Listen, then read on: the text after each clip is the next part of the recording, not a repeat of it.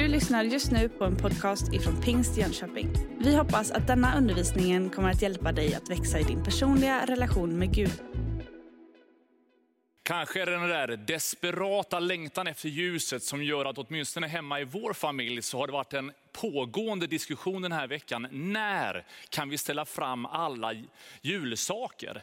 När kan vi få fram all julbelysning? När kan vi sätta upp mer lampor, både i trädgård och inne? För att mörkret känns så där påtagligt på utsidan. Kanske du också är där med adventsljusstakar och fix och tricks hemma. Men med handen på hjärtat så vet vi att adventsljusstakar, stearinljus i all ära. Om det inte är ljus på insidan så spelar det ingen roll hur många stjärnor vi tänder i fönstret. Om det inte finns här inne i oss. Och därför så är gudstjänsten en sån fantastisk förmån. Att någonstans plugga in i, påminna sig om att Gud faktiskt har inte tappat kontrollen utan han är fortfarande Herre och han håller oss i sina händer. Det här är ju helgen före första advent. Det som i kyrkåret brukar betecknas som domsöndag. Och bara ordet får ju någonstans mörkret att bli ännu mörkare. Det blir liksom att det som redan var tungt blir ännu tyngre. Och så tänker man ganska lätt att man liksom, oj vad ska nu Gud vara ute efter? Vad ska Gud göra? Faktum är att när Bibeln utmanar oss, när Bibeln talar till oss, så kan man ibland missuppfatta den. Det ibland så är det så att de där orden, just dom, gör att vi tror att det handlar väldigt mycket om oss. Men Guds perspektivet är annorlunda. Jag vet inte om du följer med i kristen media eller om du följer med olika sociala medier som de senaste veckorna har talat om hederskultur i frikyrkan en väldigt intressant och viktig fråga. Även om vi kanske har olika definitioner och synpunkter på ordvalen, så inser nog både du och jag som läser att oj, här behöver vi både självrannsakan, perspektiv och fundera. Vad gör det här med oss? Kanske är det så att vi alldeles för mycket har tittat på de här domsorden och tänkt att det är vi som ska avgöra vem som är innanför, utanför, vem som har det som krävs eller inte. Men eh, Bibeln är tydlig att eh, domen är Guds, inte vår. Och här på den här sidan evigheten så är vi medvandrare i en brusten värld. Kanske är det så att du följer den här sändningen och känner dig utav, som en av de där drabbade som på något sätt fick eh, höra eller uppleva utanförskapets hårda vindar. Kanske är det så att du har följt med de senaste veckornas diskussioner och känner lite skuld över att du kanske har medverkat till att folk ska uppleva det så den här domsöndagen så skulle jag vilja att du lyfter perspektivet till han som säger att det är jag som håller världen i mina händer. Och faktum är att han har inte ändrat uppfattning utan han säger att jag har inte kommit till den här världen för att döma världen utan för att befria den och rädda den. Och i det där hoppet så får vi idag lyfta perspektivet, lyfta blicken till han som säger att det ska komma en dag då ondska och mörker för alltid ska släppa sitt grepp. Det är med ödmjukhet som vi tittar in i den situation som vi nu har runt omkring oss med pandemi. Men hela kyrkohistorien är full av exempel. Världen har lidit förr. Men Gud har sagt att det kommer en dag då lidandet för alltid ska vara borta. Därför så är domsöndagen inte liksom ett ok, en tyngd där vi känner någon slags, oh, har jag det som krävs? Utan jag får lyfta blicken och säga tack Jesus för att det kommer en dag då lidandet snart är över. Då ondskan för alltid ska få släppa sitt grepp. Och jag skulle önska att du den här söndagen skulle få fira den här dagen tillsammans med oss och säga tack Gud för att mitt i vår svaghet, mitt i våra tillkortakommanden, mitt i vår nöd, så är du densamme, Guden som håller. Faktum är att bibelordet säger att Herren dröjer av en anledning. Det är inte så att han bara håller sig på avstånd för att han på något sätt väntar på ett rätt tillfälle då han tycker att det passar, utan han dröjer för våran skull. Petrusbrevet säger att han dröjer eftersom han inte vill att någon enda av oss ska gå förlorad, utan ha tid att omvända oss. Han är desperat i sin längtan och kärlek till dig och mig. Han vill verkligen famna oss. Och han är beredd att vänta så länge han kan så att du och jag ska få chansen att respondera på hans kärleksförklaring. Därför så är denna domsöndag också tid till prövning, att säga Gud, jag vill omvända mig. Gud, jag behöver dig. Gud, jag törstar och hungrar efter dig. Spelar ingen roll hur mycket julmusik du har i högtalarna. Låt den där musiken få prägla ditt hjärta. På insidan så kommer du få uppleva skillnaden. Jag tror att det var många svenskar som blev förvånade när en av våra stora influencers, Pernilla Wahlgren här i veckan, talade om julmusikens betydelse. Och talade in i TV4-soffan och säger att jag skulle uppmuntra alla att eh, spela julsånger med mycket Jesus. För då, det skapar ett lugn. Och jag tänker hon är någonting på spåren när du börjar göra och prägla ditt inre med Jesus så skapar det någonting som inga pepparkakor i världen kan skapa. Faktum är att Jesus själv, han bjuder in till en måltid. Jag skulle vilja att du tar följer med mig till Markus evangeliet, det 14 kapitlet. Där står det så här. Medan de, tog ett, medan de åt tog Jesus ett bröd, tackade Gud, bröt det och sa, gav åt dem och sa, ta detta, detta är min kropp. Och han tog en bägare, tackade Gud, gav åt dem och de drack alla ur den och han sa, detta är mitt blod förbundsblodet som blir utgjutet för många.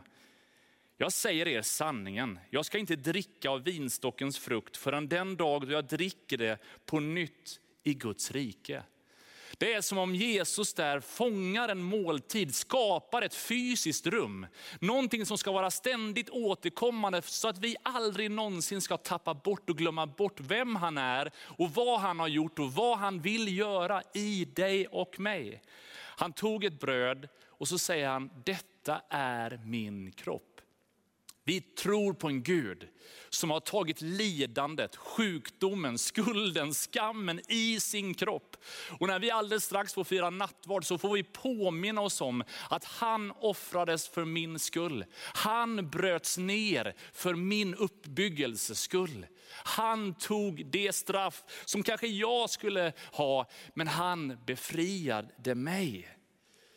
Men faktum är att bibelordet fortsätter och säger att Välsignelsens bägare som vi välsignar, är den inte gemenskap med Kristi blod? Och brödet som vi bryter, är det inte gemenskap med Kristi kropp? Eftersom brödet är ett, är vi som är många en enda kropp, för alla får del av ett och samma bröd. När vi den här dagen firar gudstjänst, när vi tillsammans också får fira nattvard, även om vi är i fysisk distans från varann, så påminns vi om gemenskapen med Kristus, men också gemenskapen med varann. Jag skulle vilja uppmuntra dig som sitter alldeles själv hemma just nu och följer den här gudstjänsten. Du är inte ensam. Gud är med dig och vi som församling står fortfarande tillsammans. Vi ber för varann och i den här måltiden förenas vi och påminns vi om att vi tillhör varandra. Han säger, detta är min kropp, men också detta är mitt blod, förbundsblodet. Ett blod som renar, befriar, Efesierbrevet säger att Gud som är så rik på barmhärtighet har älskat oss med så stor kärlek, även när vi ännu var döda genom våra överträdelser, att han gjort oss levande med Kristus. Av nåd är ni frälsta i Kristus Jesus. För att i kommande tider visa sin överväldigad rika nåd genom godhet mot oss i Kristus Jesus. Av nåden är ni frälsta genom tron, inte av er själva. Guds gåva är det, inte på grund av gärningar för att ingen ska berömma sig. Den där måltidsgemenskapen som Jesus instiftade, den gör han i ett rum tillsammans med den som skulle förråda honom. Tillsammans med den som skulle förneka honom. Tillsammans med den som inte skulle tro på hans uppståndelse. Tillsammans med alla de som skulle överge honom. Han visar med hela det som händer där i ett seman och de följande timmarna, att hans kärlek är förutsättningslös. Den är inte beroende av vad vi gör och vad vi kan, utan han älskar gränslöst.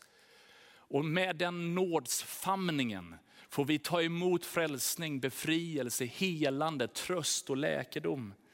Kristi blod som renar från all orättfärdighet. Allt mörker får släppa sitt grepp och hans ljus får prägla våra hjärtan.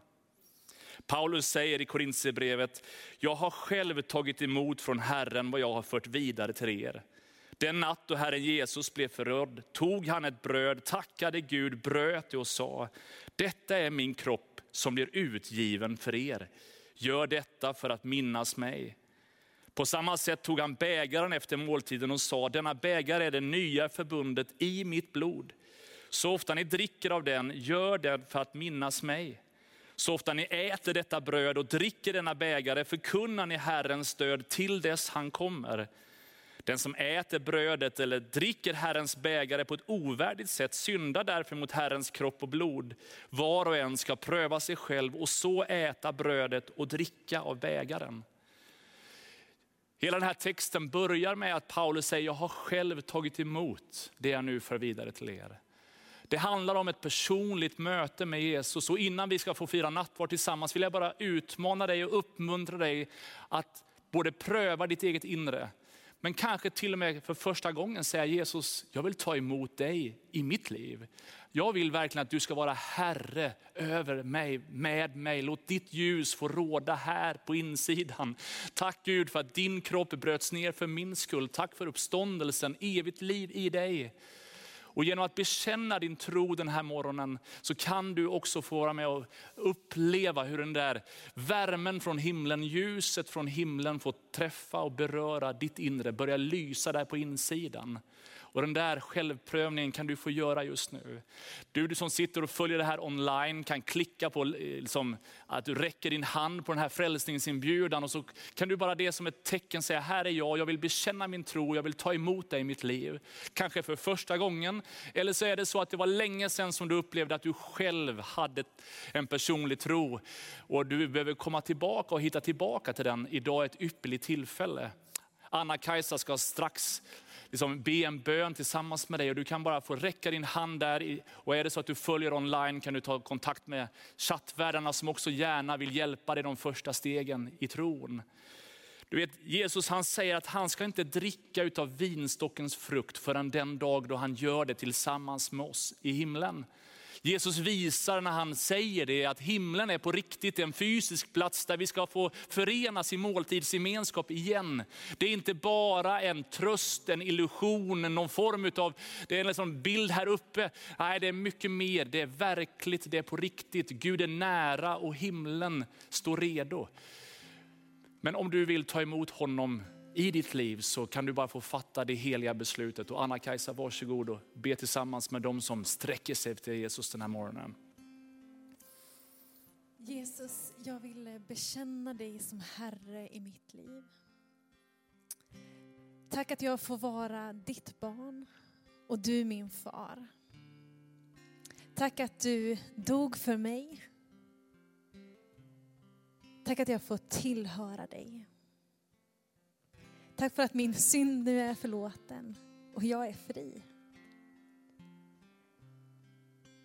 Tack för att jag får bekänna dig som Herre i mitt liv. Amen. Tack Jesus. Nu får du ta fram brödet som du har hemma. Kanske lite juice eller saft eller någonting annat som du också har hemma. Så ska vi få fira nattvarden tillsammans. Och även om vi nu är fysiskt distanserade så tror vi på en Gud som är nära överallt där vi sträcker oss efter honom. Och Jesus han tog ett bröd och så bröt han det och sa, och sa, det här är min kropp som offras för er. Och nu får du ta brödet där hemma och så får vi tacka Gud för att han är våran Herre.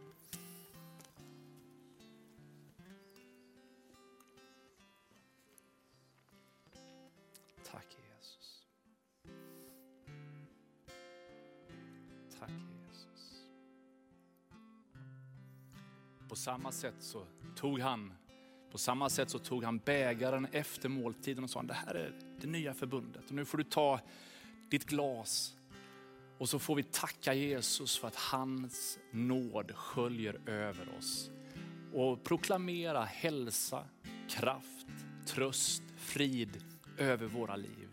Jesus, jag tackar dig för döden på korset, triumfen över allt det onda. Och Herre, den här söndagen vill vi påminna oss själva om den Gud du är. Tacka dig Jesus för att du är universums skapare.